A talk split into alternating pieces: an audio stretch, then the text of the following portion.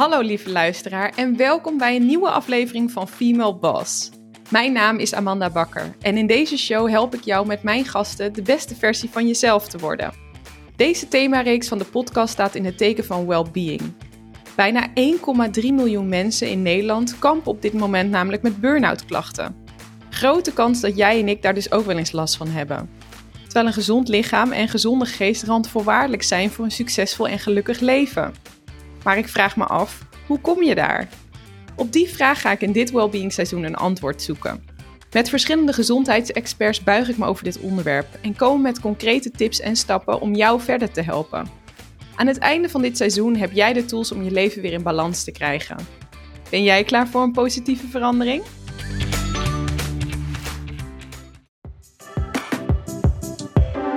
In jouw dagelijks leven bereik je goals, ben je sportief, sociaal en houd je alle ballen in de lucht. Met jouw discipline en wilskracht krijg je alles voor elkaar. Behalve voeding. Want dat snoepen, hè? dat blijkt een lastig puntje. Het is een dagelijkse strijd in ons hoofd tussen jezelf wat lekkers willen gunnen, maar ook het gevoel te hebben constant te falen in het maken van gezonde keuzes. Vermoeiend en demotiverend. Herkenbaar? Hier komt Lieke de Bever to the rescue. Lieke is voedingsdeskundige en helpt met haar platform Topfit Suikervrij meer dan 100.000 volgers aan een gezonder leven. In haar podcast, trainingen, challenges en e-books deelt ze haar lessen uit de topsport in combinatie met de kracht van voeding. In dit interview leer je van Lieke wat toegevoegde suikers met je lichaam doen, hoe je gezonder leven kunt volhouden en welke manier van trainen het best werkt voor ons vrouwelijk lichaam. Ook deed ik mee aan de Suikervrije Challenge en deel aan het einde van de aflevering mijn ervaringen. Luister zoals altijd dus weer snel mee voor een goede dosis inspiratie en motivatie. Hey Lieke, welkom. En wat tof dat we hier uh, digitaal via live in Argentinië met elkaar kunnen bellen. Ja, absoluut. We gaan meteen aan de slag. Wie was vroeger een rolmodel voor jou? Ja, bam, om maar meteen even met de deur in huis te vallen. Ja. Ik, um, ik, ik kreeg deze vraag natuurlijk al door van jou, want ik weet dat het een thema is uh, in deze podcast. En ik moest daar best wel even over nadenken. En mijn antwoord sluit eigenlijk heel erg aan op de reden waarom jij deze podcast hebt gemaakt. Want als ik kijk naar toen ik als jong klein meisje de wereld uh, inging, had ik een aantal rolmodellen, maar dat waren eigenlijk altijd mannen. En ik was heel jong toen ik begon met voetballen. Ik heb uiteindelijk uh, in de voetbalwereld in de topsport gezeten. Nou, als er één wereld op dit moment nog heel erg gedomineerd wordt, ook vooral door mannen, dan is het natuurlijk de voetbalwereld. En ja, ja ik was daar zo, uh, zo, in, zo in thuis, maar het, het was ook zo dat wat ik zo leuk vond om te doen, dat dat was mijn wereldje. Dus ja, dat was eigenlijk gedomineerd door mannen. En dan keek ik altijd een beetje naar de grote Nederlandse, uh, het Nederlands elftal, weet je wel. Ja, dat waren mijn rolmodellen. En somehow had ik ook wel echt het gevoel van, oké, dat is gewoon haalbaar, weet je. Ik, ik word gewoon profvoetballer of zo, dat, dat dacht ik. En ik ga gewoon, ik ga gewoon dat pad bewandelen, ja. Ja, dus je liet je daardoor niet uh, uit het veld slaan doordat het alleen maar mannen waren, maar je was gewoon toch geïnspireerd en gemotiveerd om dat te behalen. Ja, absoluut. En ik, ik, ik heb me toen gewoon ook aangemeld bij de voetbalclub. En ik was ongeveer het enige meisje op de hele club. Maar ik voelde me echt nooit alsof ik daar een buitenstaander was of zo. Dus ik heb me gewoon gemengd in die mannenwereld. En je dat... speelde ook direct in het jongensteam mee? Ja, ja oh, tot aan mijn achttiende heb ik eigenlijk met jongens gespeeld. Wauw. Ja. Ja. Maar te gek dat je al met hen mee kon, uh, kon spelen. Ja, want en je liet het al even vallen. Je bent uh, voedingsdeskundige en ex-topsporter uh, inmiddels. Was jij altijd al bezig met je gezondheid? Ja, dat is interessant. Um, want de mensen die mij wellicht kennen van mijn kanaal Topfit Suikervrij. Ik doe daar wel eens een uitspraak waarin ik zeg: Topfit werd ik pas na de topsport. En ja, mijn interesse was wel al heel erg in voeding. Ik vond dat echt een razend interessant onderwerp. Ik weet niet precies waarom, maar dat intrigeerde mij echt. En ik was daar altijd over aan het lezen. En al die kennis die ik opdeed, die, ja, die stuck to my mind. Dus ik, ik hoefde daar niet eens moeite voor te doen om, om, om dat allemaal op te zuigen. Uh, maar destijds, toen ik de topsport betrad, was dat echt nog geen thema. Dus ik was daar eigenlijk mijn eigen weg een beetje in aan het vinden. We werden daar niet echt in geholpen. We deden eigenlijk letterlijk maar wat. Mm -hmm. En ja, daar waren ook zeker heel veel ongezonde eetgewoontes destijds. En ook nog een beetje onder het motto van ja, we sporten toch genoeg.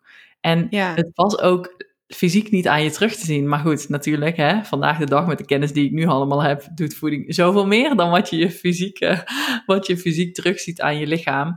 Maar tegelijkertijd, als je kijkt naar ja, hoe wij als jonge meiden ons in de wereld uh, bewogen, ja, dan is natuurlijk uiterlijk super belangrijk als je jong bent. Dus dat is ook bijna een beetje je belangrijkste maatstaf, naast natuurlijk je prestaties. Maar als je jong bent, ja, de energie heb je toch wel. Dus het was een beetje een ondergeschoven kindje, maar ik ben me nog veel meer bewust geworden van voeding toen ik me er nog veel meer in ging verdiepen na, na de topsport. Ja.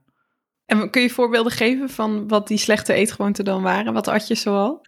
Ja, absoluut. Heel veel suiker natuurlijk. Um, dat was sowieso ook wel een rode draad uh, in mijn eigen leven. En ik was altijd al een zoete kou. Dus ik hield heel erg van zoete dingen. En het was ook gewoon een beetje de vrijbrief, ja, om maar eigenlijk ook heel veel van die nu klinkt het misschien dat het allemaal niet zo erg is, maar de gezonde koeken, tussen aanhalingstekens, de ontbijtkoeken en de sultanas en de liga's, nou, die gingen er echt eh, met pakken tegelijk door. Terwijl als ik nu kijk, ja, dat is absoluut eigenlijk helemaal geen voedzame tussendoortjes en maaltijdkeuzes. En het verhaal is eigenlijk ook nog dat ik op hele jonge leeftijd toen uit huis ging, vanuit het ouderlijk huis in het zuiden van Brabant waar ik woonde, um, gingen we op kamers met die jonge meiden in het centrum van Amsterdam, omdat we daar moesten trainen.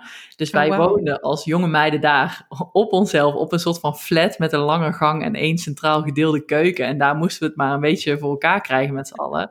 Nou ja, daar werden ook weddenschappen gemaakt en die had dan weer uh, dienst om de, de McFlurry's te gaan kopen in het centrum. Weet oh ja, heerlijk. Ja, daar ging echt, daar is echt ook veel troep doorheen gegaan. Chocola, koeken, uh, alles eigenlijk, ja. Ja, interessant. En sowieso een andere tijd ook, als we terugdenken, tenminste ik als kind.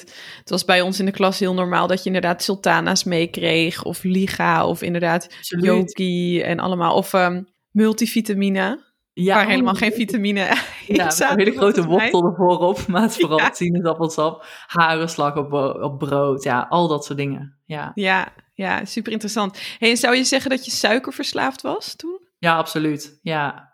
En wanneer heb je dat, een suikerverslaving? Nou, wat ik vooral zelf heel erg merkte, was dat. Kijk, nogmaals, het was me aan het mijn uiterlijk niet af te zien. Maar ik merkte wel heel duidelijk dat de behoefte naar suiker enorm groot en enorm sterk was. En dat daar een bepaalde afhankelijkheid zat. Van als ik dat op dagelijkse basis eigenlijk niet at of niet kon eten, nou dan ontbrak mij gewoon een stukje plezier van die dag en een stukje geluk. En dat was wel iets waar ik me realiseerde van, hmm, die afhankelijkheid bevalt me eigenlijk sowieso niet. Maar hij is wel heel sterk. En dan begin je dat eigenlijk allemaal recht te praten met allerlei excuses van, ah joh, want hè, we sporten zoveel en ik moet al zoveel en ik mag mezelf toch ook wel wat gunnen. En ja, waar is dat nou allemaal slecht voor? Het zal toch ook wel meevallen. En juist omdat we zoveel bewegen, is het alweer wat minder slecht. Dus zo begin je dat allemaal maar een beetje te balanceren. Maar eigenlijk ben je gewoon iets aan het recht praten wat krom is. Ja, ja. En hoe had je door dat deze lifestyle niet goed voor je was?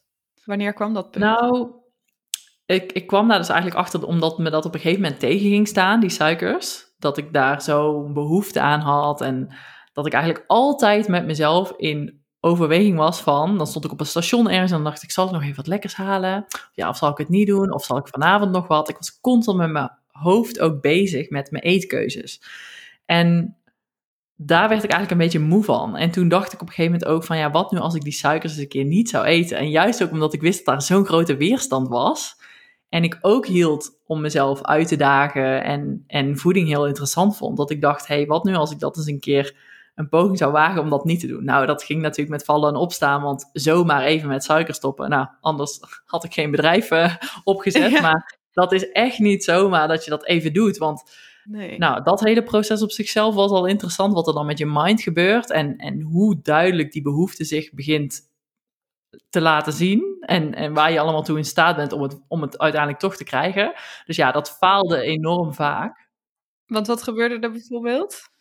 Nou ja, dan krijg je van gewoon allemaal van die overtuigingen in je hoofd. Dat je denkt, ja, zal ik misschien toch nog even vijf minuten voor sluitingstijd nog snel even naar de supermarkt. Of dan neem ik wel even een omweg en dan kom ik langs het tankstation, want dan kan ik daar nog even een beetje allemaal van dat stiekeme gedrag krijg je dan. Um, Of die behoefte die zo sterk is dat je eigenlijk volledige portiecontrole ook verliest. Maar misschien is het het laatste pak koekjes in huis en dan stop je maar even weg, want dan hè, hebben ze niet in de gaten dat dat pak koek koeken weggegaan is. Nou, ja, ja, ja, je bedoelt het papiertje wegstoppen in de prullenbak. Ja, ja. Of, of gewoon die verpakking ergens wegmoffelen. Zo van, oh ja, ja. is allemaal niet gebeurd. En ja, die behoefte wordt gewoon echt enorm sterk. Want je lichaam die gaat op een gegeven moment schreeuwen naar die suikers. En daar jezelf tegen verweren, ja, daar, dat is echt, dat is moeilijk. en, en dat is het echt niet, afkicken? Ja, dat is echt afkicken. Ja, oh. totdat ik dat dus op een gegeven moment overwon. En dat er echt een wereld voor mij open ging. En ik denk eigenlijk juist pas doordat ik dus afkikte en daardoor heen kwam, dat ik me realiseerde op hoeveel effecten in mijn lichaam die suikers eigenlijk een invloed hadden. En dat was eigenlijk bizar. En mijn mond viel gewoon open. En toen dacht ik, maar wacht eens even. Als ik dit allemaal had geweten, dat het dit allemaal met mij doet, wauw, dan had ik het echt veel eerder gedaan. En dan was mijn motivatie nog ook groter en sterker geweest, denk ik. Als ik wist dat dit het de reward was. Want wat voor impact heeft suiker op ons lichaam en op onze geest? Ja, nou, dat is bizar eigenlijk. Um, allereerst zorgt het natuurlijk onder andere voor energiedips. Uh, voor velen wellicht wel bekend. Um, hoe ouder je ook wordt, hoe meer je dat ook gaat merken. Dat je bijvoorbeeld die after lunch dip, die after dinner dip, onder andere. Um, suikers heeft een gigagroot effect ook op onze buik. Ik had eigenlijk ook altijd al wel last van een opgeblazen buik. Maar ik dacht, nou ja, dat is nu eenmaal zo. Het label PDS al gekregen van de huisarts. Weet je, al zakjes met vezels en de hele toestand. Ja, oh ja, wat is PDS? Um, prikkelbare darmsyndroom. Ja, dus uh, eigenlijk een beetje het soort van de onverklaarbare darmklachten, waar eigenlijk heel veel mensen mee lopen. Nou, ik had gewoon niet in de gaten dat ik dat zelf eigenlijk aan het organiseren was door al die slechte voedingskeuzes die ik maakte en, en al die suikers die ik gewoon op dagelijkse basis binnenkreeg. Uh, mijn huid werd zoveel beter. Um, rondom menstruatie natuurlijk, nou, we kennen het allemaal wel, wordt onze huid vaak wat onrustiger als je gezegend bent al met een redelijk rustige huid, is het vooral dan. Uh, maar het kan mhm. natuurlijk ook zijn dat je natuurlijk last hebt van acne of al dat soort dingen. Ja, suiker ook een gigatrigger op. Dus mijn huid werd gewoon veel zuiverder, werd, werd veel mooier eigenlijk. Nou, ja, mijn buik werd dus rustiger, maar ook platter. En ik zag ook dat ondanks alle trainingsuren die wij maakten, dat mijn vetverdeling en mijn, ja, mijn hele huishouding zeg maar, van vetopslag werd veel beter en, en werd anders. Omdat ik eigenlijk al die suikers waren ook gewoon overtollige snelle brandstof die mijn lichaam eigenlijk niet echt nodig had, waardoor ik toch ook wel een beetje vetopslag rondom mijn buik had. En dat was altijd een beetje zo'n randje waarvan je denkt, ja, hè, uh, net allemaal niet, niet mooi, maar je krijgt er ook niet echt lekker af. Nou, ik stopte met suiker en dat verdween, dat smelte als sneeuw voor de zon, smelte dat weg. En ik dacht, oh wow, dat is eigenlijk echt gewoon letterlijk gezelligheidsvetjes zijn dat. Want die oh, wow. herkenbaar. Ja. ik zeg dat ook altijd tegen mijn vriend. Net zo'n bolling onderaan je buik. Dat je denkt, je kan heel veel trainen, maar dat gaat maar niet weg. Maar dat is dus suiker. Ja, nou dat is echt gewoon uh, insuline die, uh, die zorgt voor vetopslag. Um, dus dat veranderde onder andere. Maar daarnaast merkte ik dus ook dat mijn hele mentale wereld aan het veranderen was. Ik had geen moedswings meer. Mijn hele binnenwereld was zoveel rustiger. Ik voelde me opgewekter en daardoor eigenlijk stabieler opgewekt. Dus het was gewoon allemaal ja, heel chill en, en, en gewoon allemaal oké en, en niet zo turbulent. Um, ik was veel minder met eten bezig ook in mijn hoofd. Dus ik, ik, dat mensen dan zeggen van ja, ik vergeet soms te eten. Toen dacht, dan dacht ik ook altijd van ja, je bent echt van een andere planeet. Weet je, ik, ik moet ieder half uur wat eten. Nou, ineens was ik die persoon die niet per se iets te eten nodig had tussen de maaltijden door. Dat ik dacht van ja, ik ben eigenlijk steeds gewoon wel verzadigd en oké. Ik had mezelf ook verteld dat ik maar diegene was die altijd honger had. Want ik was toch, ja, weet je wel, slank gebouwd, uh, genetisch uh, uit een gezin. Dat we gewoon, uh, ja, de geluksvogels tussen aanhalingstekens. En daardoor maar altijd honger en er moest gewoon veel brandstof in. Nou ja, dat werd gewoon deels veroorzaakt door die suikers. Dat maakte dat ik het idee had dat ik altijd wat moest eten en daar dus ook druk mee was. Nou, dat was dus bullshit, want dat veroorzaakte ik dus ook zelf. Bizar, wat een impact. Ja, het, het, was echt heel groot. En ik merkte gewoon dat het hele thema eten een veel minder belangrijke rol kreeg. Dus echt gewoon ergens op de achtergrond. Dat mijn focus veel meer ging naar, ja, wat ben ik hier eigenlijk op dagelijks basis aan het doen? Uh, wat kan ik bijdragen? Wat vind ik leuk? Wat vind ik het leuk om mijn tijd in te investeren? En dat was nog steeds wel voeding en gezondheid, maar dus op een hele andere manier, omdat het niet meer zo obsessief met mijn eigen eetpatroon was. En dat ik letterlijk de tijd kon vergeten als het ging om eten. Nou, dat was echt, ik kende dat niet. En ook eh, op momenten dat mensen dan aankwamen met iets zoets of zo, en dat ik dacht van ja, ik hoef dat dus nu gewoon oprecht even niet. Dat ik gewoon echt bij mezelf kon checken van ja, Nee, weet je, chocola nu op dit uur, nee. En ik was diegene die altijd wow. met chocola kon eten. Dus er veranderde zo bizar veel. En dat ik dacht, wow, als ik wist dat ik dit allemaal voor terugkreeg, van tevoren, nou, dan had ik dit zoveel eerder gedaan. Ja. Ongelooflijk. En dat gevoel kun je dus ook terugkrijgen dat als je dus nu bijvoorbeeld chocola ziet, dat je dan dus kunt visualiseren wat het met je doet en dus ook weer herinnerd wordt om waar, waarom je deze keuze hebt gemaakt en dat je daardoor ook volhoudt. Is dat ook jouw manier? Absoluut, ja. En ik weet gewoon inmiddels zoveel beter wat de korte termijn prijs is die je betaalt als ik dat soort producten eet. En wat ik wel al meteen belangrijk vind ook om even te vermelden, is dat ik ben heus niet degene die dus nu nooit meer suikers eet. Absoluut niet. Maar ik sta 100% voor een gezonde balans. En een gezonde 80-20 balans. Waarin we juist ons lijf voor 80% van de tijd met voedingsstoffen voeden.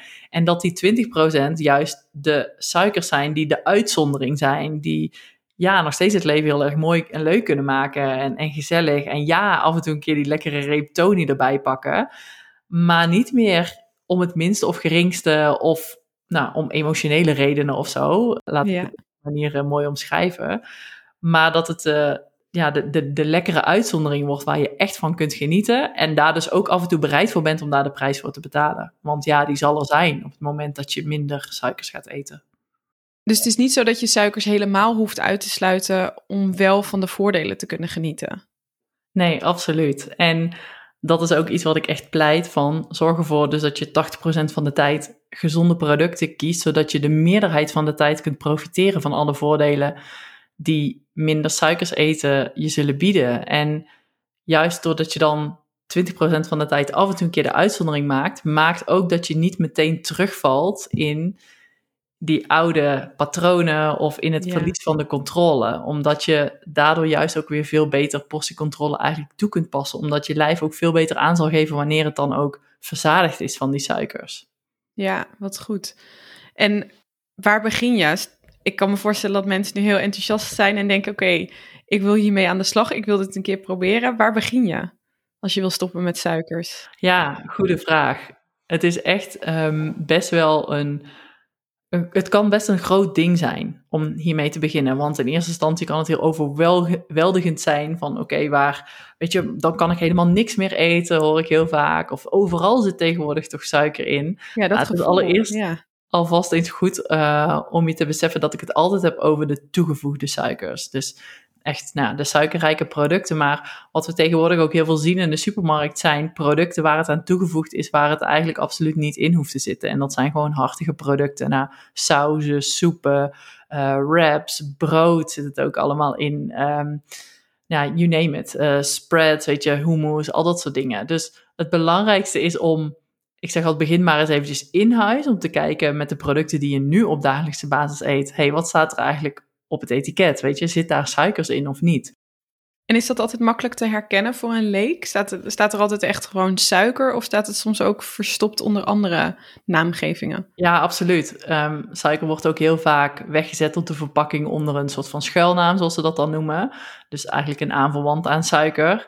En dat zijn een beetje de, ja, de creatievere namen, omdat de voedingsproducenten natuurlijk zich ook steeds bewuster worden van het feit dat wij met z'n allen veel meer op suiker aan het letten zijn. Dus oh, dan willen zij weer geen suiker op het etiket zetten, omdat ze weten dat ja, wij dat niet als iets positiefs labelen. Dus dan gaan ze op zoek naar andere benamingen. En dan krijg je dingen als het dadelstroop of zo, um, karamel, ehm, nou iets met karamel. En, en je kunt dat altijd dan wel nog herleiden met een beetje gezond verstand.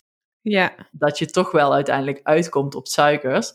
Maar het belangrijkste is dus inderdaad om die ingrediëntenlijsten eens goed te gaan bekijken van de producten die je gebruikt. En op basis daarvan langzaam maar zeker je eigen eetpatroon eens uh, onder de loep neemt en vervangende producten gaat kijken in de supermarkt. Want het mooie van suikers is uiteindelijk ook nog dan. Het is niet zo dat alle A-merken zonder suiker zijn en alle C-merken met suiker. Nee, het is een heel gemengd en gemêleerd productschap eigenlijk. Dus het kan zomaar eens zijn dat de AH Basic saus uh, zonder suiker is, de pasta saus, maar uh, de Bertolli pot, dat daar wel suiker in zit. Dus ja. dat maakt het ook weer heel toegankelijk.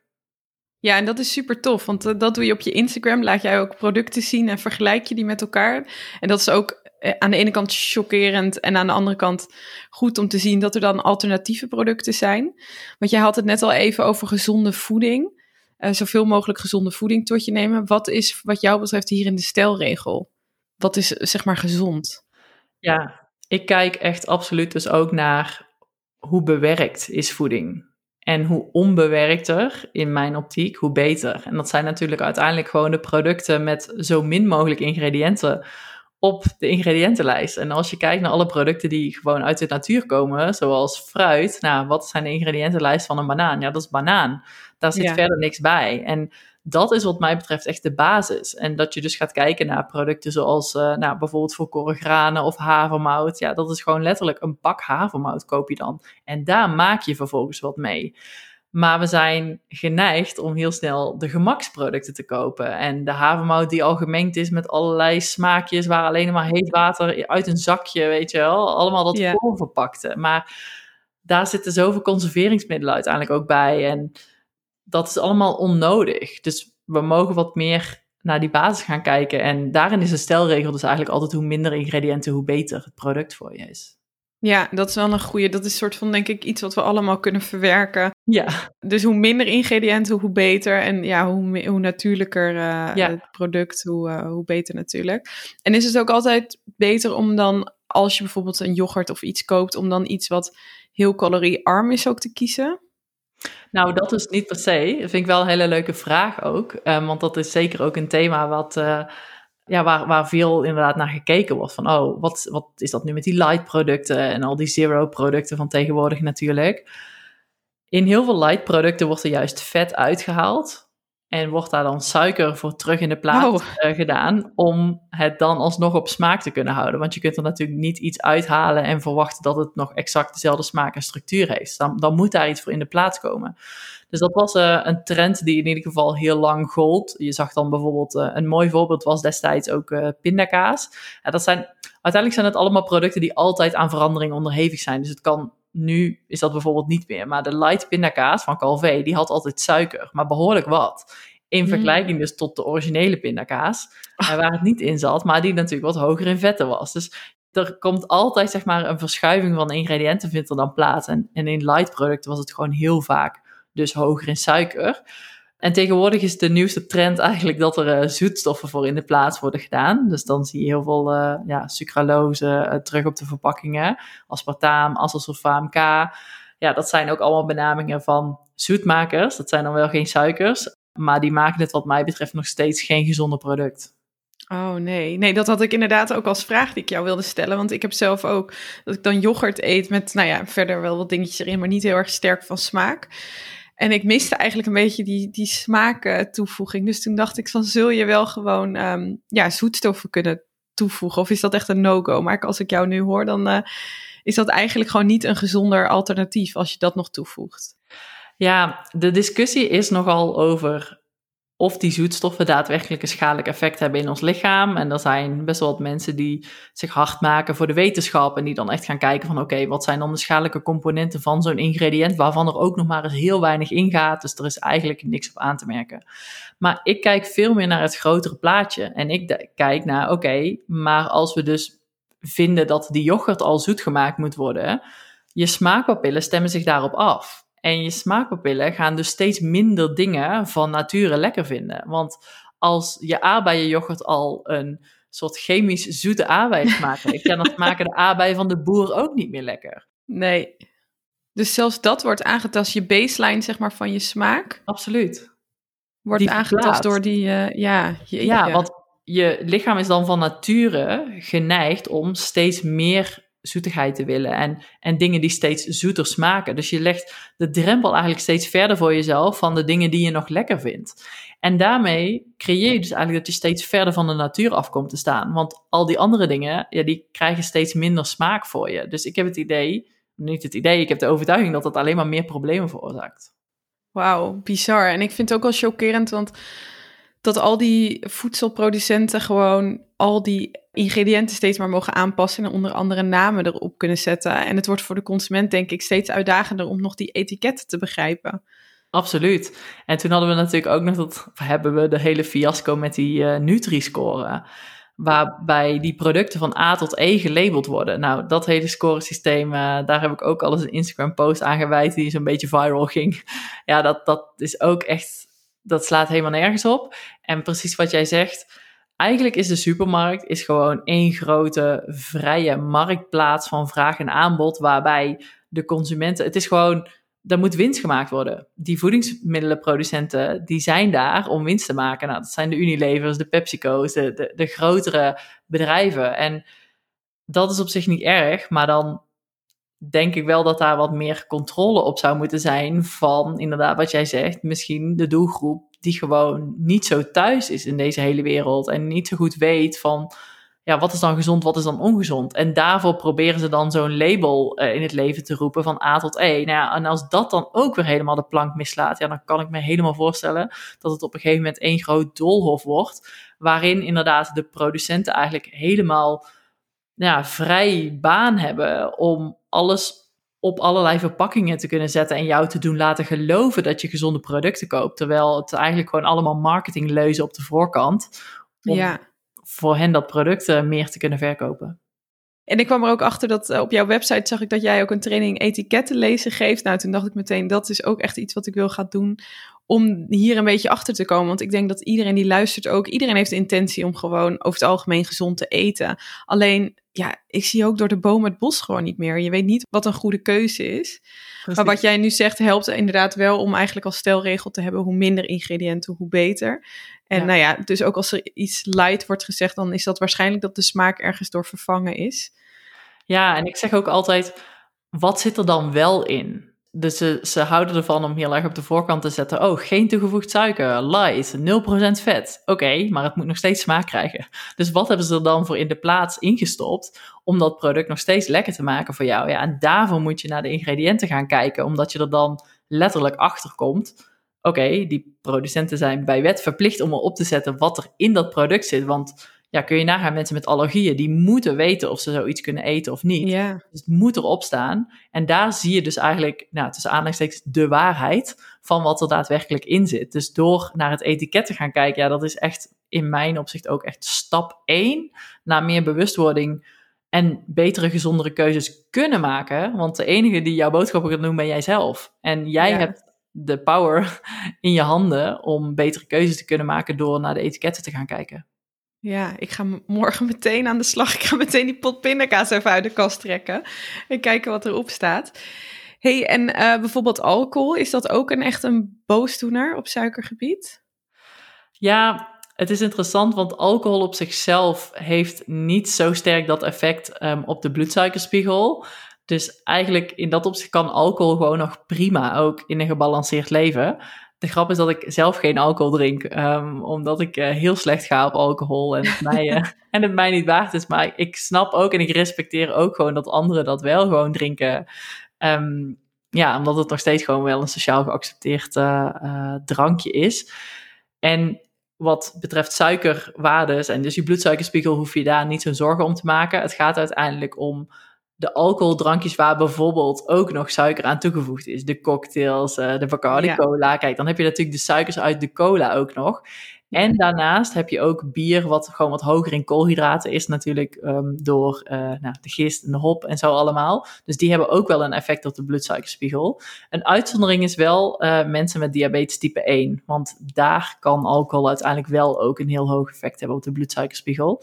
Maar voor de gemiddelde Nederlandse vrouw die hier uh, naar luistert en die geen diabetes heeft, um, valt dat eigenlijk echt reuze mee. Ja. Oké, nou dat is dan een meevallen. Dat maakt het ja, dat is een iets, uh, iets minder. Uh, ja, hey, en je zegt over de bloedsuikerspiegel, want wat doet het precies in je lichaam als je dus suiker binnenkrijgt? Wat gebeurt er precies voor een chemisch proces? Ja, en dat is ook eigenlijk wel een goede vraag die je hier stelt, want we zijn zo geneigd om dan maar een label te plakken op het ingrediënt suiker. En suiker is uiteindelijk gewoon brandstof voor het lichaam. Dus het is niet zo van, oeh, giftig ingrediënt. We zouden dat als, als ingrediënt op zichzelf niet binnen mogen krijgen.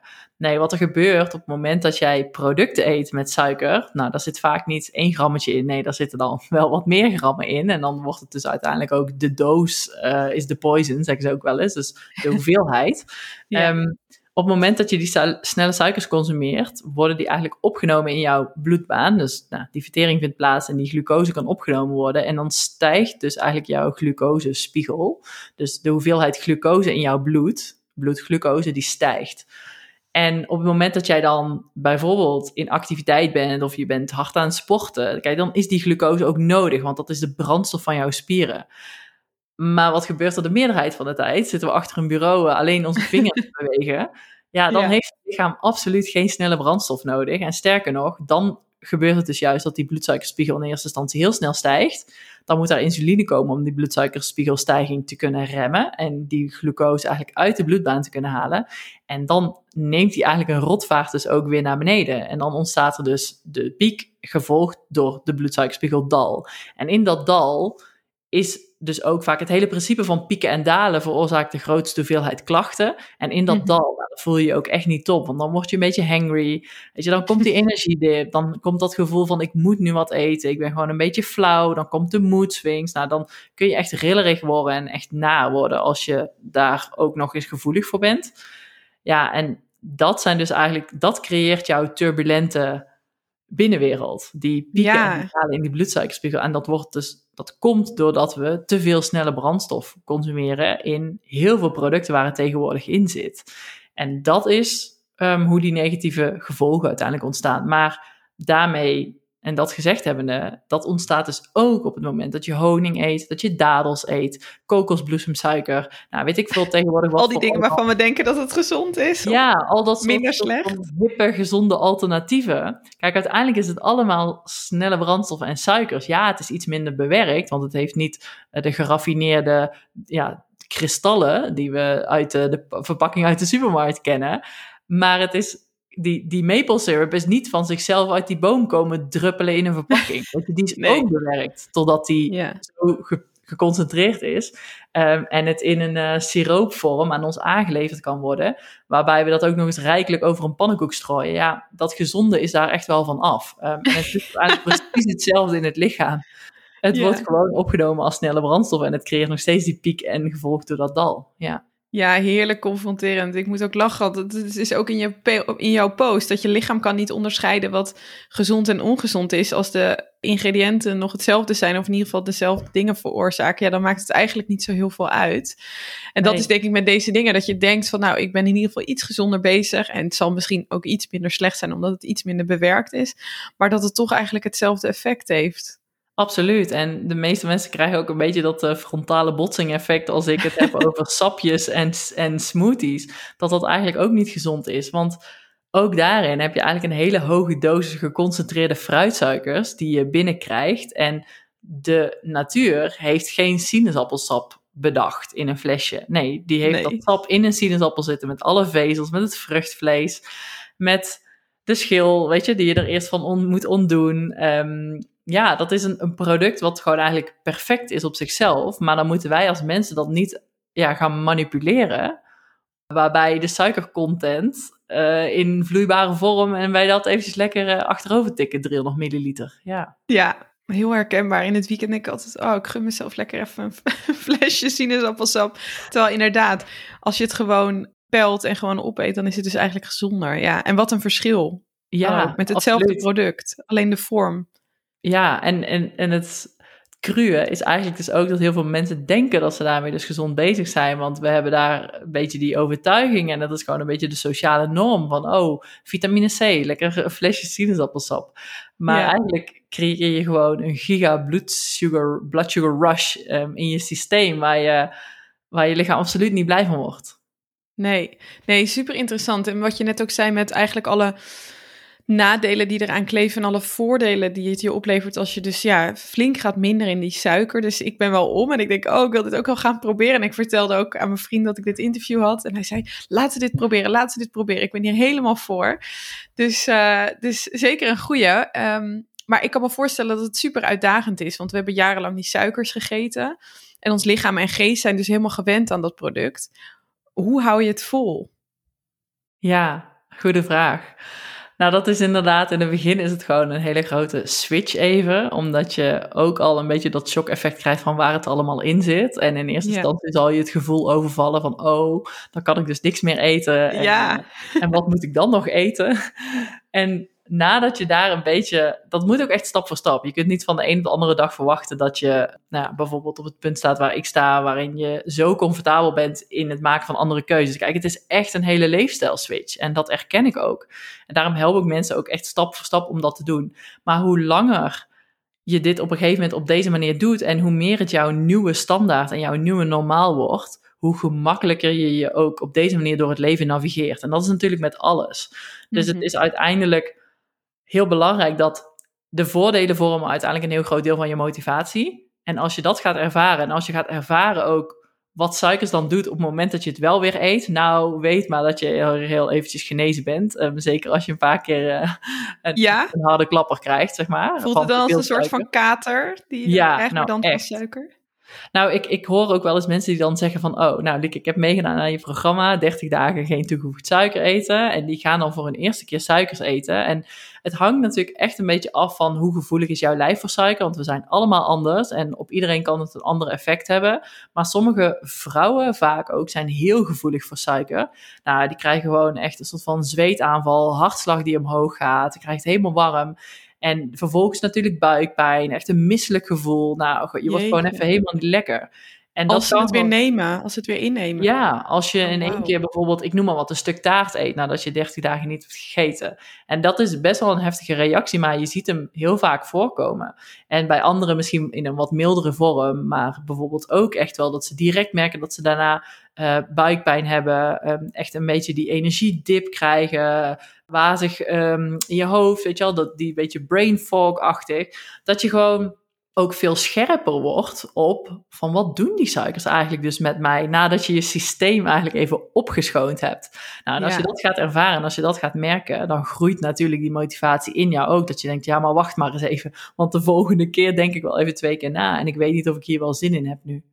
Wauw, ja, dus die 30 dagen is echt ook echt even een detox om te ontgiften eigenlijk van al die suikers die we al jarenlang in ons lichaam hebben en hoe ons lichaam daaraan gewend is geraakt. Absoluut. En het mooie tegelijkertijd is ook dat het ook weer in maar 30 dagen al kan. Je lichaam is super zelfherstellend. Detox, ik hou ook niet zo echt van het woord, want al die detox, dat, dat, dat associëren we heel vaak natuurlijk met die sapjes en zo allemaal. Alsof we ons lijf even helemaal een rust zouden moeten geven. Nee, we hebben gewoon organen in ons lichaam die zorgen voor een natuurlijke detox en die alle eh, toxische stoffen uit ons lichaam gewoon filteren. Dus daar is helemaal geen nood aan. En de beste detox, tussen aanhalingstekens, doe je gewoon door gezonde voeding te consumeren en gezonde producten te kiezen en dus niet zo die bewerkte producten. Maar dan ga je dus ook zien dat je binnen een tijdspanne van 30 dagen dat jouw lichaam echt heel veel beter gaat voelen. En dat je heel snel al de effecten gaat merken van gezondere keuzes maken. En dat is dus eigenlijk heel mooi dat dat ook in zo'n korte tijdspanne al te realiseren is. Ja, wat goed. En hoe zorg je voor die discipline en die mindset dat je het volhoudt? Want ja, het is ook zwak en we leven in een wereld waar heel veel suiker is en we hebben het druk en we zijn onderweg en we moeten even wat halen of moeten snel wat avondeten. Ja, hoe zorg je dat, dat, dat je dat volhoudt? Ja, en dat is natuurlijk een hele mooie vraag ook. En ik denk wel een beetje de rode draad um, in het leven van iedereen die uiteindelijk een blijvende gezonde leefstijl wil creëren. Wat ik al zei, een heel groot deel zit hem dus in die nieuwe normaal voor jezelf creëren. En met die nieuwe normaal bedoel ik dus ook tijd en aandacht besteden aan voeding. En dus ook bijvoorbeeld als dat nodig is, voorbereidingen treffen. Zorgen dat je de boodschap in huis hebt. Zorgen, nou tegenwoordig het mooie ook van online boodschappen bestellen is dat je niet per se altijd meer in de winkel hoeft te staan. Dus je hoeft niet om vijf uur s middags, als je al moe bent, als je al honger hebt, ja. al die rijen af en dan bij de kassa ook nog verleid worden tot... Uh, uh, kinderbueno's en uh, wat daar allemaal ja. niet ligt. Ja. En dat, die, die momenten ook leren herkennen en die suikertriggers gaan zien. En op een gegeven moment bijvoorbeeld ook bewust worden van hoe ze je eigenlijk proberen te influencen om alleen maar meer suikers te eten. Ja, dat, dat is al een, een, een belangrijk aspect. Um, maar die voorbereiding dus en zorgen dat je je eigen eten meeneemt. Ik weet dat het ook echt hip en modern is allemaal deze tijd. Dat we het altijd maar een beetje on the go gaan kopen. Maar veel gezonder en veel beter is als je het gewoon vanuit huis meeneemt. En net even die extra ja, tijd en aandacht daaraan besteedt. Omdat uiteindelijk gaat het ook over je gezondheid. En als gezondheid dus altijd maar op de tweede of de derde plek komt, omdat je het te druk hebt om van A naar B te rennen, omdat je daarin al niet voorbereid was, ja, dan, dan wordt het een domino-effect wat een beetje de negatieve kant uit gaat vallen, omdat je erachter gaat komen dat je constant achter de feiten aanloopt. Dus ja, voorbereid zijn, uh, je bewust zijn van waar het allemaal aanwezig is en daar in een goede mindset te verschijnen, weten wat het allemaal met je doet, waardoor je de keuze gaat maken of je het wel of niet neemt. Ik ben ook echt voorstander van gewoon heel bewust kiezen van, hey, wat stop ik eigenlijk allemaal op een dag in mijn mond? Weet je, wat gaat er misschien ongemerkt allemaal anders naar binnen?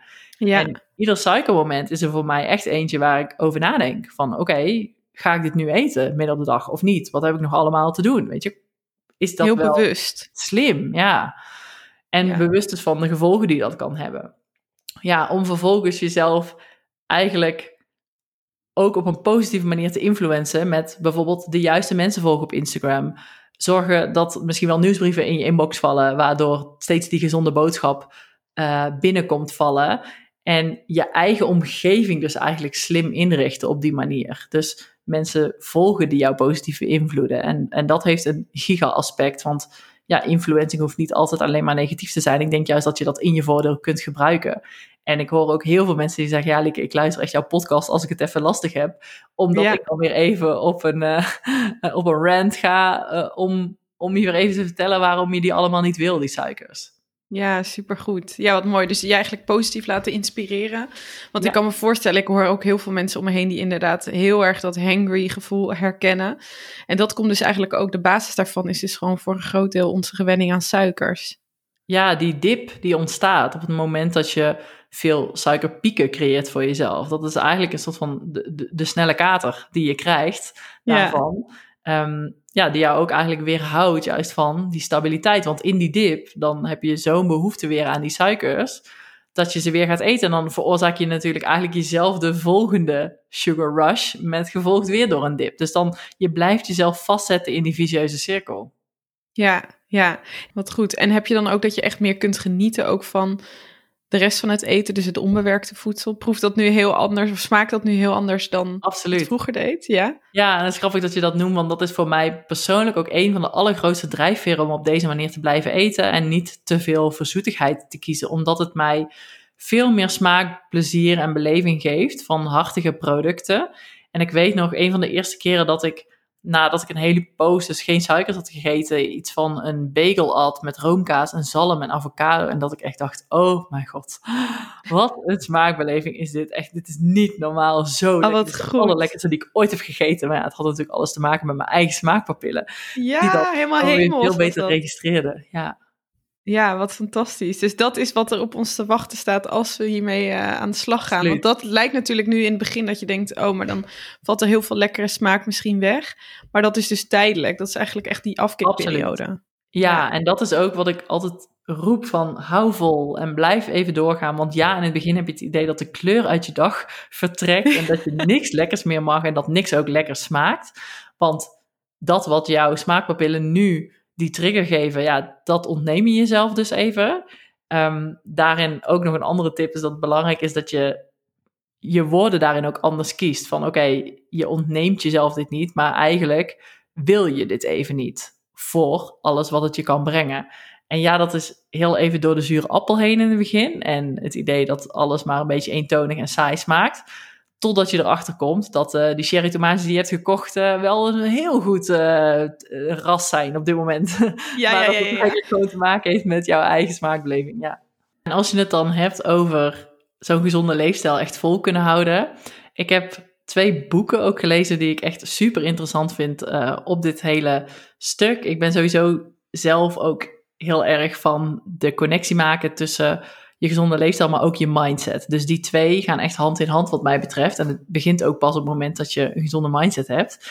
En het boek Miracle Morning van Hal Elrod vind ik echt super tof. Ik heb dat gelezen um, en de hele tijd is ook heel uh, gedisciplineerd toegepast. En ik moet echt zeggen dat het mij ook nog zoveel transformatie opleverde om dat te doen en je dag op die manier te starten. Ik wil niet te veel uh, al prijsgeven over het boek, maar het is echt een heel tof boek.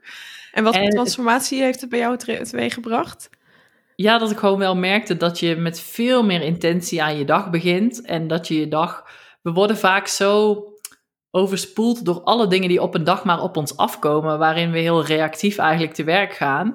En gedurende de dag al helemaal vergeten wat we misschien eigenlijk allemaal voor goede voornemens hadden voor die dag. En dat boek helpt je heel erg om stil te staan bij wat vind ik belangrijk in het leven en wat wil ik eigenlijk. En juist tijd te maken voor bepaalde dingen die je er anders maar een beetje bij doet en die er dus, dus nooit van komen. En die eigenlijk prioriteit te maken. En dat boek geeft je hele handige tools om dat uh, toe te gaan passen. En als je dat een tijdje structureel gaat doen, ja, dan ga je je echt anders en beter voelen. Zeker qua mindset. Dan voel je je echt in control of life. Ja, wat goed. Ja, ik heb hem ook gelezen en ik had eigenlijk precies hetzelfde wat jij zegt. Dat je het gevoel hebt ja, dat je niet geleefd wordt op een dag, maar dat je inderdaad met intenties aan een dag begint en heel duidelijk weet van dit wil ik bereiken of zo wil ik me voelen, weet je wel. Het hoeven niet hele grote goals te zijn, maar dat je veel meer ja, in control bent inderdaad van je eigen dag. Ja, ik vond het ook super inspirerend en ook even dat rustmomentje voor jezelf.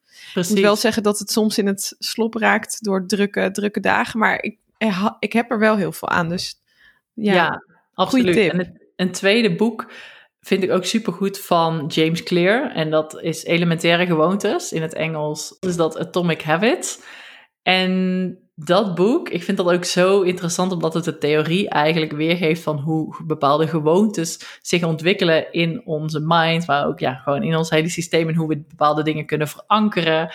En het geeft je echt ook een ander perspectief op bepaalde dingen, waarbij hij bijvoorbeeld ook hele treffende voorbeelden gebruikt als hij noemt dan een voorbeeld over roken, waarin je bijvoorbeeld op het moment dat iemand zegt dat hij niet meer rookt, dan neem je een nieuwe identiteit aan, want dan zeg je, ik rook niet meer. Ik ben gestopt met roken. Nou, dat is een heel duidelijk statement, want ja. mensen die gestopt zijn met roken, die roken niet af en toe, want die zijn gestopt.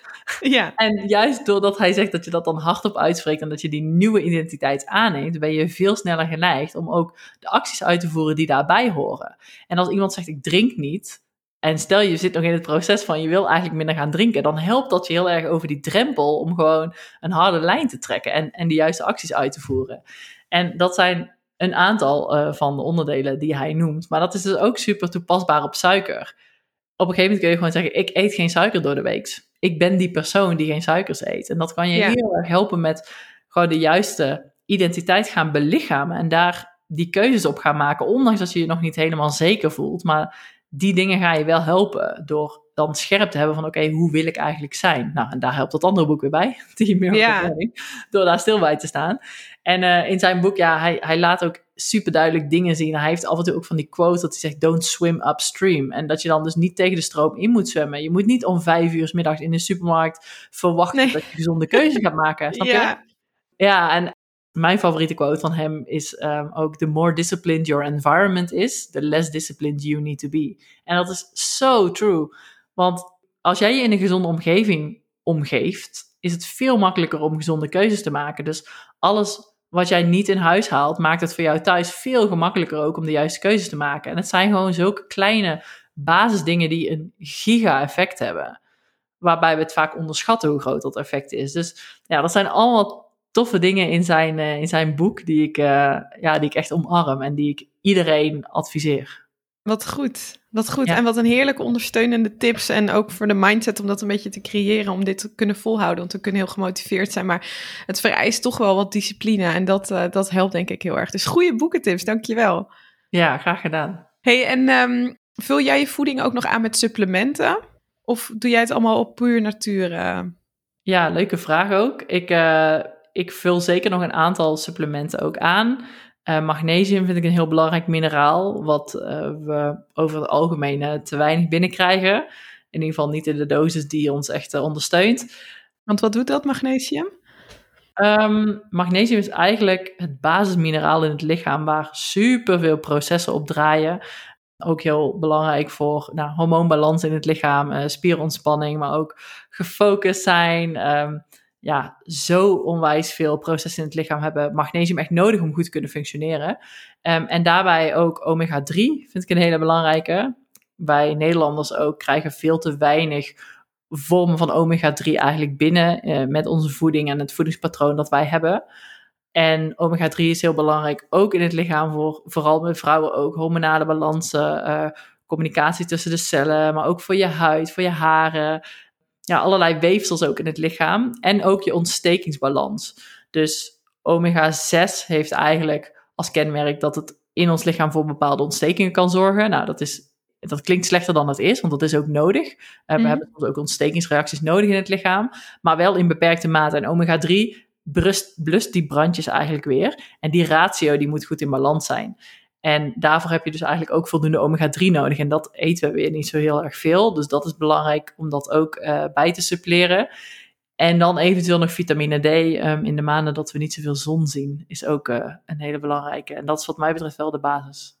Oh, wat goed. Ja, dus vanuit daar, dat is zeg maar je standaard wat je inneemt en van daarbovenop je, je voeding. Ja, ja. Ja, wat goed. Ja, ik heb ook nog omega-3 in de kast staan. Ik denk nu ineens, oh, dat heb ik al een tijdje niet genomen. Maar dat heeft dus wel zin. Soms is het moeilijk om in te schatten of het nou iets met je doet of niet, uh, met supplementen. Maar magnesium is er zeker eentje die ik ook uh, ga aan, uh, aanschaffen. Ja, ja goede tips. Goed voor rust en beter kunnen slapen. Kan absoluut ook enorm helpen. Ja. Maar goede tip dus. Dus eventueel die goede voeding die we dan uh, tot ons nemen ook nog aanvullen met een aantal supplementen. Hey, en is het ook zo, we proberen natuurlijk alle benefits hier naar boven te halen, dat je met minder suikerinname ook de noodzaak voor bijvoorbeeld cardio kleiner maakt? Dus om calorieën te verbranden. Merk je daar ook echt verschil in als je geen suikers meer neemt? Ja, dat is natuurlijk heel erg afhankelijk van wat zou het doel zijn van die cardio. Ik weet niet in welk verband cardio jouw vraag in dit geval. Uh, ja, ik denk dat veel mensen voor calorieën verbranden ook wel doen. Ja, ja, kijk, cardio, als je echt gaat kijken ook naar het vrouwelijk lichaam, is dat niet de meest efficiënte manier van trainen en calorieën verbranden. Wat wij vrouwen eigenlijk veel beter zouden kunnen doen, is krachttraining. Omdat het ons spiermassa versterkt. Nou, op het moment dat wij richting de overgang gaan, zal je spier massa alleen nog maar afnemen. En spiermassa is uiteindelijk super belangrijk ook voor je lichaam en je dagelijkse activiteiten. En doordat je spiermassa hoger zal zijn, voel je ook fitter, voel je energieker, is je metabolisme beter, uh, verbrand je op dagelijkse basis al meer calorieën, omdat spiermassa is actieve massa en vetmassa is nou gewoon hele passieve massa, die hebben geen brandstof nodig. En die, die er gewoon mee. nee, precies. Dus je wil eigenlijk dat je spiermassa toeneemt. En met cardio neemt je spiermassa niet toe. Want om spiermassa toe te laten nemen, moet je echt wel ja, dingen optillen die zwaarder zijn dan, uh, dan je eigen armgewicht. Ja. En daardoor groeit je spiermassa. Dus ik ben één, sowieso geen voorstander van echt cardio. Cardio doe je om je conditie beter te maken. Om je uithoudingsvermogen te verbeteren. Daarvoor kan cardio handig zijn. Uh, maar wat je dus ook gaat merken op het moment dat je minder suikers gaat eten, wat ik dus al zei, cardio vanuit het perspectief van calorieën verbranden is dan dus interessant voor hoe we eruit zien. Tenminste, dat is even de relatie die ik daarin trek. Ja. En wat ik dus ook al noemde, is dat op het moment dat je minder suikers gaat eten, wordt jouw hele vetopslag wordt anders en wordt veel beter. En je lijf gaat veel beter schakelen tussen de opgeslagen vetcellen die er nu zitten, om die ook daadwerkelijk te gaan gebruiken voor verbranding. En het zal niet meer zo opgeslagen worden op de plekken waar we er zelf niet zo blij van worden, die je er met cardio toch niet afkrijgt. En nee. ik wel eens, um, ik hou van die quote, you can't out-train a bad diet. Je kunt een slecht eetpatroon niet compenseren in de gym. Nee. Dus dat is super belangrijk om te weten. En, en 80% van je fysieke resultaat is eigenlijk wordt gecreëerd door je eetkeuzes. En ja. 20% is uiteindelijk nog trainen en en je spieren ondersteunen, ja. Wauw, ja, dus echt apps are made in the kitchen. Die is dus echt uh, waar. ja. ja. Ja, nee, super interessant en een goede motivatie om uh, nou, dit weekend ook weer het krachtonk in te gaan uh, in de sportschool of wat je dan ook doet of thuis lekker aan de slag met, met gewichten. Want dat werkt dus eigenlijk het allerbeste, begrijp ik. Ja. ja. Sowieso wat het allerbeste werkt is iets doen wat je leuk vindt. Dus dat is heel belangrijk. En als je dan dat wil doen wat het meest effectief is, ja, dan het liefst voor vrouwen ook nog wel iets van een uh, gewichtje erbij. Ja, nou super. Uh, ga mee aan de slag. Ik ben heel benieuwd, uh, Lieke, wat heb jij voor routines om jezelf gezond te houden? Ook weer zo'n leuke vraag. Nou, voeding, ja, dat zit er bij mij natuurlijk eigenlijk wel ingesleten. Dat is iets wat ik ja, van nature al, al doe en waarin ik het ook leuk vind om te kijken naar mijn eigen gewoontes en kijken of ik af en toe nog dingen kan verbeteren of een keer wisselen met supplementen en dat soort dingen. Wat ik ook probeer te doen is op tijd gaan slapen, want slaap heeft superveel invloed ook weer op hoe je je voelt de volgende dag. En als je niet opgeladen bent, dan ga je dat ook weer merken de volgende dag aan nou, minder weerbaarheid, maar ook meer honger hebben. Eigenlijk zijn dan je hele interne processen ook gewoon niet hersteld.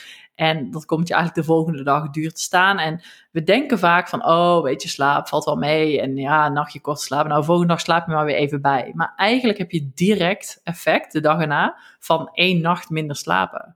Dus dat is bizar hoe snel dat eigenlijk een effect heeft. Dus dat is voor mij ook een van de belangrijkste dingen. En vroeger, in de tijd dat ik in de topsport zat, nou ja, maakte het eigenlijk niet zoveel uit wat er gebeurd was. Je zou hoe, hoe dan ook trainen. En je ging hoe dan ook ervoor zorgen dat je die dag weer wat beter zou zijn dan, dan de dag daarvoor.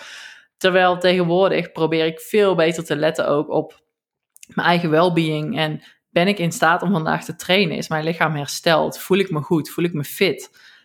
En op basis daarvan trek ik de conclusie of ik wel of niet ga. Dus ik, ik, eigenlijk is mijn shift een beetje veranderd naar hoe kan ik zo goed mogelijk voor mezelf zorgen? En soms betekent dat dus ook nee zeggen en bepaalde dingen niet doen. Ehm, en misschien even niet naar het zoveelste sociale ding gaan als je merkt dat eigenlijk de batterij een beetje op is en het is pas woensdag en je moet nog tot en met vrijdag.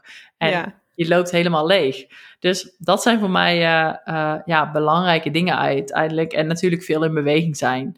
Het wordt onderschat ook hoeveel toegevoegde waarde het heeft om even naar buiten te gaan lopen even jezelf in de natuur te begeven. Nou, ik vertelde het uh, voor deze podcast al even. Wij zijn uh, zelf verhuisd vanuit de stad naar een, uh, een gebied met wat meer natuur ook. En ik merk hoe goed me dat doet om gewoon ja, te kunnen wandelen in de bergen, um, in de natuur te zijn. Dus dat zijn elementen die mij in een gezond ritme houden, ja. Wat heerlijk en wat een goede tips. Dus jij zegt eigenlijk genoeg slapen, dat dat heel belangrijk is. Hoeveel is dat voor jou, genoeg slaap? Acht uur. Ongeveer. Acht uurtjes per nacht. Ja. ja, lekker. En uh, ten tweede dus ook je grenzen aangeven. Dus moet ik dit nu wel doen of niet? Ben ik eigenlijk al moe en helpt het niet voor mijn lichaam ja. en mijn geest als ik hier nog naar deze uh, activiteit uh, ga of deze sociale gelegenheid? En drie is dus eigenlijk nog meer bewegen in de natuur en gewoon niet de hele dag zitten waarschijnlijk. Absoluut, ja. ja. Precies. En dat, dat is ook bijna niet te compenseren met even een uurtje naar de sportschool gaan de grootste win die vind je door in je dagelijks leven veel meer actief te zijn. En het wordt echt onderschat ook uh, wat dat doet. En als je het dan hebt over calorieën verbranden, dat doe je veel meer buiten de sportschool om dan in de sportschool. Ja, dat is een goede. En dat is denk ik in deze tijd, als ik in ieder geval naar mezelf kijk, is dat best wel uitdagend. Veel thuiswerken. Ik uh, werk veel achter de computer, dus ja, dan zit of sta je wel, maar dan, uh, dan beweeg je natuurlijk niet zoveel. Dus ja, dan moet het echt hebben van de momenten traplopen en uh, nou ja, lopen naar openbaar vervoer of ja, lopen naar werk of met de fiets. Ik denk dat dat dan, dat we daar echt in moeten zoeken. Dus belangrijk om die momenten dus wel te blijven zoeken op een dag. Absoluut. En ik weet nog dat, nou, tijdens de voorgaande afleveringen van de pandemie, dat er wel heel veel mensen ook juist meer gingen wandelen. En dat is eigenlijk een super goede gewoonte. En dat kan ook echt daadwerkelijk iedereen kan dat doen. Even naar buiten, even die podcast opzetten, juist nog even dat ommetje lopen voor het avondeten of na het avondeten. En proberen wat meer stappen op een dag te zetten. Het is zo klein en, en het lijkt vaak dat die kleine dingen geen zoden aan de dijk zetten, maar het doet bizar veel als je dat, als je dat een gewoonte maakt. En als je dat um, dagelijks gaat doen, dan zal je je verbazen waar je over een paar maanden staat. Ja, waanzinnig. Nou, je helemaal gemotiveerd om daar weer echt op te letten door de week. Hey, um, jij helpt mensen. Je bent uh, dus voedingsdeskundige en ondernemer. En je helpt mensen eigenlijk aan een gezonder leven. En uh, je combineert met Topfit uh, suikervrij de, de lessen uit de topsport met de kracht van voeding. En dat doe je eigenlijk op allemaal verschillende manieren. Dat doe je met je podcast, help je daarbij met uh, cursussen, trainingen, challenges en zelfs een e-book. Wat, uh, wat zijn jouw dromen nog op dat gebied? Mijn bedrijf staat op dit moment uh, best wel stevig, inderdaad. Ik ben op veel kanalen zichtbaar wat dat betreft. mijn podcast, inderdaad, wordt super goed beluisterd. mijn Instagram ben ik meerdere keren per week aanwezig en zorg ik altijd voor uh, ja, nieuwe inspiratie en uh, shockende feitjes. Ja. en daarnaast heb ik inderdaad dus een aantal uh, producten die ik kan bieden, die mensen daadwerkelijk gaan helpen bij de transformatie, um, in plaats van alleen maar de informatie. En toen ben ik mezelf af gaan vragen, oké, wat, wat kan ik nog doen? Wat kan ik nog meer doen? Kan ik deze boodschap nog breder verspreiden ook. En toen kwam ik eigenlijk ook wel uit op het stukje kinderen. Omdat als ik kijk naar kindervoeding, nou, dat zit tegenwoordig ook uh, zo vol met suikers. En daarin is marketing ook, uh, wordt helemaal losgegaan, het marketing. En dat is ja. ook iets wat mij echt, nou, dat, dat gaat mij echt aan het hart. Als ik kinderen op een sportveld zie met een AA'tje, nou echt ik kan dat niet oh, aan. Ja. dat doet gewoon pijn aan mijn ogen. En ik dacht, oh, ik wil zo graag dat die ouders zich bewuster worden ook van het effect van suikers op kinderen. En toen dacht ik, oké, ja, dan, dan moet ik daar zelf wat mee doen. Um, dus uh, er komt absoluut uh, uh, een nieuw project aan voor minder suikers bij kinderen in 2023. Oh, wat fantastisch. Oh, ja. wat goed. En ik denk dat daar heel veel mensen behoefte aan hebben en ook zoekende zijn van... Ja, iedereen wil natuurlijk het beste voor zijn kind, weet je wel. Dus, maar wat absoluut. is nou de beste keuze? Ja, en als je het hebt ook over suikers bij kinderen, dan wordt er ook heel vaak nog een beetje gedacht of gezegd van ja, maar anders is dat tot zielig. Maar als je weet wat suikers allemaal bij kinderen ook bewerkstelligen, dan dat is pas zielig. Als je weet wat dat allemaal voor hen eigenlijk aan ongemak creëert. Dus, maar omdat we dat niet weten, denken we gewoon dat het zielig is als um, Stef geen koekje krijgt of geen aatje, weet je wel? Ja. Dus ja. Um, ja, daar wil ik gewoon veel meer bewustwording rondom creëren. En vervolgens heb ik ook nog op de agenda dat ik een, uh, heel graag een boek wil schrijven over suiker. Dus dat uh, gaat er ook zeker tof. komen. Wauw, waanzinnig. Wow, dus er gaat veel op de, op de planning staan voor volgend jaar. Ja, nou, ik heb, er, ik heb er zin in, ja, want um, I'm on fire. Ja, veel om naar uit te kijken. Te gek, joh. Hey, super inspirerend. Ja, voor ons ben je dus een echte female boss en een expert op dit gebied. We zijn heel benieuwd eh, van welke female boss zou jij haar verhaal wel willen horen? Ja, er zijn eigenlijk twee dames die ik heel hoog heb zitten. Onder andere Laura Rebel. Zij is orthomoleculair therapeut en gespecialiseerd op de gut-skin access, als ik dat goed zeg. De darmen en de huid. Um, in die relatie. En daarnaast ben ik zelf ook fan van Mirte Eleanor. En zij is gezondheidswetenschapper en zij helpt ook vrouwen ja, naar een betere gezondheid, hormonaal in balans en het lichaam uh, dat ze het meest gezond en gelukkig maakt. Wauw, super inspirerend. Ook helemaal mooi in dit thema van well-being. Dankjewel, super inspirerende vrouw. Die gaan we sowieso volgen. En ja, we gaan jou ook volgen, want er gaat zoveel gebeuren volgend jaar. Leuk. Ik uh, kijk er heel erg naar uit. Lieke, heel erg bedankt voor het inspireren en al deze concrete tips. Want uh, ja, ik heb eigenlijk meteen zin om aan de slag te gaan. Dus nou, dank je wel daarvoor. Ja, heel erg graag gedaan. En jij dank je wel voor de uitnodiging. Een eer om hier te mogen zijn. Daar zijn we weer, uh, Lieke. Superleuk. Ja, deze podcast krijgt in één keer een andere wending alsnog. Ja, ja, te gek. Want wij zaten even na te praten na de vorige podcast. En toen had Lieke een hele leuke vraag voor mij. Uh, want ze zei, zou je mee willen doen zelf aan de Suikervrije Challenge? En uh, die startte ook al snel. En uh, ja, ik dacht, let's go, laat het gewoon doen. Ja, ik dacht natuurlijk, het is natuurlijk geen betere ervaring dan dat jij het zelf ook gaat proberen. Om, om jouw ervaring vervolgens te kunnen delen, ja. Ja, te gek. En uh, dat gaan we nu even kort doornemen hoe dat was. Ja, want we zitten hier inmiddels een maand later. Dus dat is ook nog wel grappig om te vertellen. Dit wordt straks ja. een lange podcast. Maar uh, jij hebt inmiddels 30 dagen suikervrij geleefd. En ik ben natuurlijk ja. super benieuwd uh, hoe je dat hebt ervaren. Ja, ja het was te gek. Um, ik moet zeggen, ik vond het heel spannend. Jij vroeg mij en ik was meteen enthousiast, want ik hou van dit soort challenges. Um, maar ik dacht Jij ook vond het volgens mij ook wel confronterend, hè? Dat ik dat vroeg. Dat je dacht, oeh, shit, dan moet ik. Ja, en het was heel goed, want in de challenge zit ook dus zit een startdatum. En ja. zoiets komt nooit uit. Je denkt altijd, oh, ik heb verjaardag of dingen of dat. Maar nu was het zo, oké, we starten gewoon. Dus let's go. 31 oktober gingen we gewoon van start. Dus dat was voor mij, werkte dat heel goed. Dat ik dacht, ja, het is ook goed om gewoon een georganiseerde startdatum te hebben. Los van dat je dan met een groep start, maar ook voor jezelf, dat je het niet gaat uitstellen. Was dat ook een bewuste? Ja, dat is zeker een bewuste keuze. Want exact wat jij zegt, het komt nooit uit. En elke keer blijf je het anders voor je uitschuiven. En daarnaast is er ook wel een element in mijn suikervrij challenge van het met een hele groep tegelijkertijd doen. Met z'n allen dat proces starten.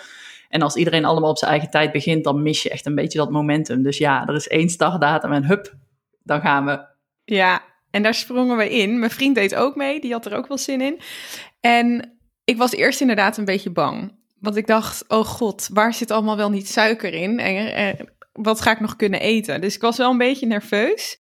Maar wat jij uh, vooraf doet, um, is dat je iedereen ook de etikettentraining stuurt. En die etikettentraining kun je ook los op jouw website verkrijgen. En uh, nou, ik had daar al goede ervaringen over gehoord, maar ik had eigenlijk niet zo'n idee wat ik me er precies bij voor kon stellen. Maar wij hebben daarin echt soort van met open mond naar zitten kijken. En het was zo verhelderend hoe je dat uit hebt gelegd. Zo op een simpele manier. Dat ik eigenlijk heel anders vanaf toen boodschappen ben gaan doen. En ook dat ik oh, echt dacht, cool. als ik dit nu zie dan weet ik gewoon, you can't unsee it, weet je wel? Absoluut, dat ja. Erg. Oh, wat grappig. Ja, dus gaf heel veel inzicht. En uh, nou ja, wil je daar meer over weten? Ik kan het absoluut aanraden, want het is echt super leerzaam. Ik heb het zelfs tegen mijn familie ook gezegd van ga het kijken, want het is echt, uh, echt super leerzaam. Dus ga naar jouw website. En uh, dat was eigenlijk ook een heel fijn start, startschot. Want dat gaf eigenlijk, maakte dat ook meteen duidelijk ja, dan werd het iets tastbaarder en dat je echt nog wel een heleboel dingen wel mag eten ook. Dus dat was eigenlijk van, nou, we denken dat we dit wel aan kunnen. En we dachten meteen, we zitten ook deels echt wel al een beetje op de goede weg. Dus we eten ook al wel best wel de juiste dingen. Precies. Maar die was wel dubbel, want ik had aan de ene kant dat ik wel een beetje dacht, nou, het gaat, uh, dit, dit kunnen wij nog wel eens uh, goed gaan uh, vol kunnen houden. Alleen toen brak natuurlijk de eerste week aan. en ik moet zeggen, mijn vriend en ik zijn heel verschillend. Hij kan geen maat houden en hij is echt een sugar uh, addict. En ik, ik kan wel maat houden. Dus ik, maar ik snoepte dus wel af en toe. Dus ik nam per dag één of twee snoepjes. Weet je wel, een biggetje of een dropje of oh iets. En dat is op zich wel met mate. Alleen merkte ik dus in die eerste suikervrije week dat ik gewoon naar snakte. Ja, dat ik echt voelde van, oh, ik heb trek in een dropje, ik heb trek in een dropje. Dat dat gewoon meerdere keren door mijn hoofd schoot. Toen dacht ik, en dat is dus wel confronterend van, oh, er zit dus wel echt een soort kleine verslaving daar. Ja, want als je daar dan op dat moment niet aan tegemoet kunt komen of niet in kunt voorzien, dan wordt dat ineens heel erg blootgelegd, precies. Ja, dus dat was best wel confronterend, maar goed om me daar bewust van te worden. En dat had ik eigenlijk continu. Dus inderdaad, de eerste week was wel afkicken. De tweede week had ik het ook nog wel. Dat ik dacht, oh ja, ik merk wel dat ik nog trek heb. En nou, er zitten een aantal fases in, ook in die periode. En wij hadden één periode hadden wij het wat drukker. En toen liepen wij een paar dagen achter met de filmpjes. En toen zijn we eigenlijk wat later aan de volgende fase begonnen. Maar toen dachten we, nee, we willen dit goed doen. Dus we gaan het gewoon nog met een week verlengen. Dus we gaan ook oh. langer door. Dus we wilden het gewoon wel perfect doen. Dus dat ging heel erg goed. En ik merk wel met boodschappen doen in de supermarkt. Er is zoveel troep. Ja. Je kan zoveel paden gewoon eigenlijk skippen. Ja, dat vond ik ook wel een verschil. Ja, wat grappig dat je dat zo, uh, zo hebt ervaren. Ja. En dus ook wel confronterend in hoeveel dingen het zat. Het was, sommige dingen zijn natuurlijk ook obvious, maar meer die bewustwording en erbij stilstaan dat ik echt dacht Oh god, in chilisaus er zit alleen maar suiker. Mijn persoonlijke favoriet uh, bij het eten is ketchup manis. Oh ja. En dat zit ook vol suikers. En dat vond ik wel een lastige. Dat heb ik de hele periode. Dat ik wel. Oh, ik miste eigenlijk een beetje bij het eten. Maar mhm. gelukkig uh, konden ook soja bijvoorbeeld gebruiken. Dus, dat, uh, dus je merkt ook dat er eigenlijk ook voor heel veel dingen wel vervangers zijn. Alleen, ja, normaal doe je zoveel op de automatische piloot. Ja. En dat was voor mij ook een inzicht, dat ik eigenlijk niet echt stilsta bij of je trek hebt. Ik merkte namelijk op werk ook wel dat er eigenlijk heel vaak iets te vieren is. Waardoor er eigenlijk iedere dag wel zoetigheid wordt uitgedeeld als je op kantoor bent. Precies. En nu ik dat niet nam, dacht ik, oh, dit scheelt wel een paar hapjes, zeg maar, die ik niet heb genomen. En uh, is er een kantelpunt geweest waarop jullie uh, ja, je daadwerkelijk ook beter zijn gaan voelen of dat je de voordelen bent gaan ervaren? Ja, ik denk dat dat eigenlijk in de derde week wel een beetje kwam. Dat we dachten van, oh ja, we merken het wel iets minder een, een dip, ook rondom vier uur. Weet je wel, dat, dat moment dat normaal, dat was ook confronterend, nam ik op, op werk wel eens een chocomel. Oh, uit de automaat. Maar die zitten ook natuurlijk boordevol suikers. Maar dat gaf me dan net weer even een oppeppertje tot het avondeten, zeg maar, om door te komen. Dus dat merk ik nu wel echt, dat ik die dip niet meer heb ook. Oh, wat goed. En dat had hij ook. Ja, dus echt veel meer stabiele energie gedurende de dag en niet meer dat instorten. Ja, ja, en die handige tips die jij geeft van ook met fruitsuikers, weet je, van die fruitsuikers kunnen natuurlijk ook nog die piek geven. Maar door dat weer te combineren met bijvoorbeeld noten, hou je dat weer veel stabieler. Precies. En dat vond ik ook echt super goede inzichten. Die gewoon al helpen, weet je, door een kleine toevoeging. Absoluut. Ja, ja dat kan iedereen. Ja, en uh, bij je vriend, heeft hij voordelen ook ervaren naast uh, de energie? Um, nou, in ieder geval aan zijn, aan zijn lijf merkte hij het. Dus echt dat die suiker, en dat merkte ik zelf ook wel. Je ziet wel echt, als je geen suiker eet, dan blijven dingen toch wat minder hangen. Dus je gaat het wel echt aan je lichaam zien. Dus hij zei ook meteen, ik ga dit zeker ook doorzetten. Dus hij gaat uh, december ook nog doorpakken. Wel dat hij met de feestdagen dan wel gewoon gaat genieten. Maar yeah. ja, ik denk dat dat ook exact is wat jij, uh, die 80-20 regel. Precies. Wat jij zei. Dat, dat is wel iets waar we nu gaan streven. Ja, veel meer bewustwording en bewustwording al in de supermarkt met wat we kopen. Maar ook echt wel in consumeren en gewoon gedachteloos iets aannemen of iets eten. Ja, en uiteindelijk daar dus de grootste drijfveer daarvan is dus voor jullie wel het, het voordeel in je fysieke energie. Um, en daarmee dus ook in, uh, in je lijf of ja, omvang of eigenlijk een beetje de vetopslag. Dat, dat alles wat er hangt voor je gevoel. Ja, dat precies. Ja, en dat minder dus die cravings hebben en dat die, ja, ik had dan niet hangry, maar wel dat je gewoon trek hebt, weet je wel, dat aan het einde van de dag. Ja, dat gaat ook, is echt zo'n groot verschil. Is dat, is dat, dat weg? Is super fijn. Ja, dat is gewoon weg. Ja, ja dat is echt ongelooflijk. Ja. Dat is eigenlijk natuurlijk bizar, hè? Dat, dat, dat je er dan achter komt dat je dat dus zelf gecreëerd hebt door je eigen eetpatronen. En dat dat dus verdwijnt op het moment dat je die dingen elimineert. Of ja, die suikers. Ja, en hoe makkelijk tussen aanhalingstekens dat ook gaat, dat je dat zelf in de hand hebt, inderdaad. Ja, dat vond ik echt een inzicht. Ja, het wordt inderdaad makkelijk op het moment dat je uit die verslaving bent. Want grappig wat jij daar eerder dus ook zei, dat het in eerste instantie wel een beetje onwennig is en kaal en saai. En je hebt die behoefte en je mag er niet aan toegeven. Totdat je er dan achter komt dat als je dat dus ook niet doet, dat dan de beloning ook is dat dat dus verdwijnt. En dat is zo'n, ik vind dat zo'n overwinning. Ja, precies. En wat je ook zegt, dat je ook geniet weer van die dingen die je dan wel weer eet. Dus inderdaad fruit of groenten of dingen. Wij snackten met, uh, we hebben heel veel wortels gegeten, tomaatjes, uh, nootjes, weet je. Dus het zijn allemaal, ja, veel meer goede dingen die je in je mond stopt daardoor. Er vallen heel veel dingen af, en, maar er blijven ook genoeg lekkere dingen over, die meteen een stuk gezonder zijn. Ja, en wel mooi wat je zegt. En die gaan ook beter smaken, omdat je je smaakpapillen niet meer zo verpest met al die exact. kunstmatige overgedoseerde, zoete uh, troep. Ja. Precies, ja, want dat zei jij op dag één al, dat, dat dat zou gebeuren. Dus ik dacht, oh, ik ben heel benieuwd. En inderdaad, nu kan ik zeggen, het is gewoon echt, je smaak verandert gewoon. Ja, en dat, dat maakt het uiteindelijk ook vol te houden, omdat dat ook weer een win is die je eigenlijk verliest, tussen aanhalingstekens, op het moment dat je weer suikers gaat eten. Dat, dat je normale gezonde voeding zo lekker is. Ja, ja, dus daar kijk ik echt naar uit om dat vol te houden. En ik hoop dat dat ook lukt in de gemodereerde versie. Uh... Ja, nee, ik ben ervan overtuigd dat dat gaat blijven. Zeker met de bewustwording die jullie al hebben gekregen en dus met die etiketten.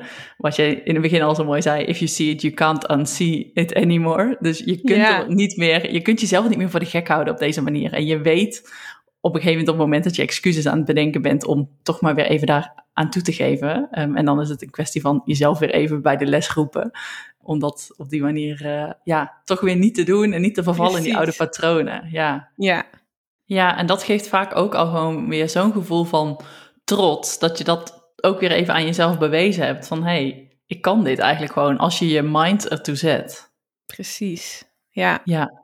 En als ik dit kan, wat kan ik dan nog meer?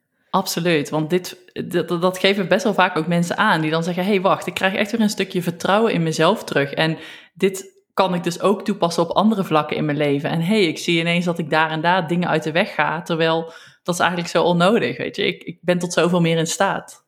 Ja, en dat vond ik heel mooi. We zijn ook echt fan van jou geworden, want we, iedere dag konden we naar jou kijken. Oh. Voor de mensen die het dus niet weten, als je meedoet aan de challenge, krijg je iedere dag een, ja, een soort inspirational video van Lieke die niet alleen heel enthousiast maakt en heel vrolijk is, dat je heel vrolijk aan je dag begint, maar ook eigenlijk heel veel inzichtgevend. Dus iedere dag motivatie en kennis vanuit verschillende invalshoeken, waardoor je ook nog iedere dag eigenlijk weer een beetje bijleert en eigenlijk ook voor zaken die je buiten deze challenge om kan gebruiken. Dus uh, dat was heel fijn en een goede stok achter de deur. Ja, leuk. Ik zag zelfs op jouw Instagram stories dat die uh, bij jullie op de tv afgespeeld werden. Zeker, iedere dag. Ja, ja wat leuk. Zo grappig om dat te zien. Alsof ik het journaal aan het presenteren was. Maar exact, exact. En je bent er ook echt aan. En ik zei net tegen mijn vriend, we gaan je helemaal missen om iedere dag qua filmpjes te zien. Oh, dus dat was heel leuk. Ja, dus dat is ook een hele fijne. En dan de community natuurlijk. Uh, je doet het dus met een groep, de challenge. En dat was ook heel fijn om vragen te kunnen stellen en om elkaar een beetje te motiveren en op ideeën te brengen voor recepten of producttips. En ik moet zeggen dat ik zelf ook heel veel aan jouw handboek heb gehad. Want uh, Lieke deelt een heel mooi handboek met je waar recepten in staan en producten die je gewoon met een gerust hart kunt eten. En dat vond ik ook heel erg helpend. Want toen zag ik daar dingen tussen staan. Toen dacht ik, yes, dat eet ik al. En dat, het hoeft dus niet zo moeilijk te zijn. En uh, ja, het bood heel veel. Precies, het zijn vaak eigenlijk, uiteindelijk zijn het kleine veranderingen met een grote impact. Terwijl iedereen aan het begin altijd denkt van, oh, dan moet ik mijn hele leven, mijn hele roer om. Maar dat is helemaal niet zo, want er blijft nog zoveel over inderdaad. En uh, dat probeer ik inderdaad ook met die producten in dat handboek al een beetje dat vertrouwen te geven van, hey, wacht, er zijn echt nog heel veel lekkere dingen die je kunt nemen. En het resultaat zal er niet onder lijden. Ja, en iedere, ik denk wat jij zegt, iedere paar producten die je vervangt door een suikervrije variant of een gezondere variant, ja, dat draagt natuurlijk al bij. En dat is precies ook eigenlijk wat ik over wil brengen. Ja. Dat het echt niet zo heel erg lastig is, maar dat het vaak in hele kleine veranderingen zit die een hele grote impact kunnen maken. Ja. Ja, waanzinnig. Nou, mij heb je helemaal meegenomen, mijn vriend dus ook. En ik ben, ja, ik ben super onder de indruk van hoe je dit überhaupt hebt opge, opgebouwd. Dus als programma en uh, als ondernemer.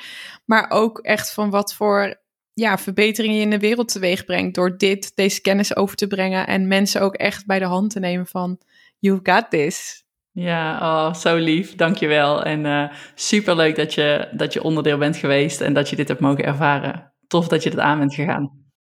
Ben jij nou ook enthousiast geworden en heb je ook wel zin om gezond het nieuwe jaar in te gaan en nog beter voor je lijf te zorgen? Check dan de link in de show notes, want daarin zit een link naar de nieuwe challenge. Die start 2 januari. Dus je gaat heerlijk het nieuwe jaar in met de hulp van Lieke.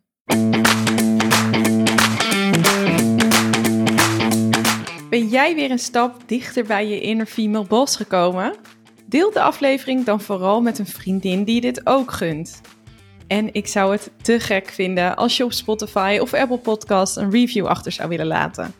Op die manier kunnen we samen meer vrouwen bereiken en dus inspireren en motiveren. En abonneer je hier ook op de podcast, zodat je op de hoogte blijft van nieuwe afleveringen. Dankjewel en tot snel!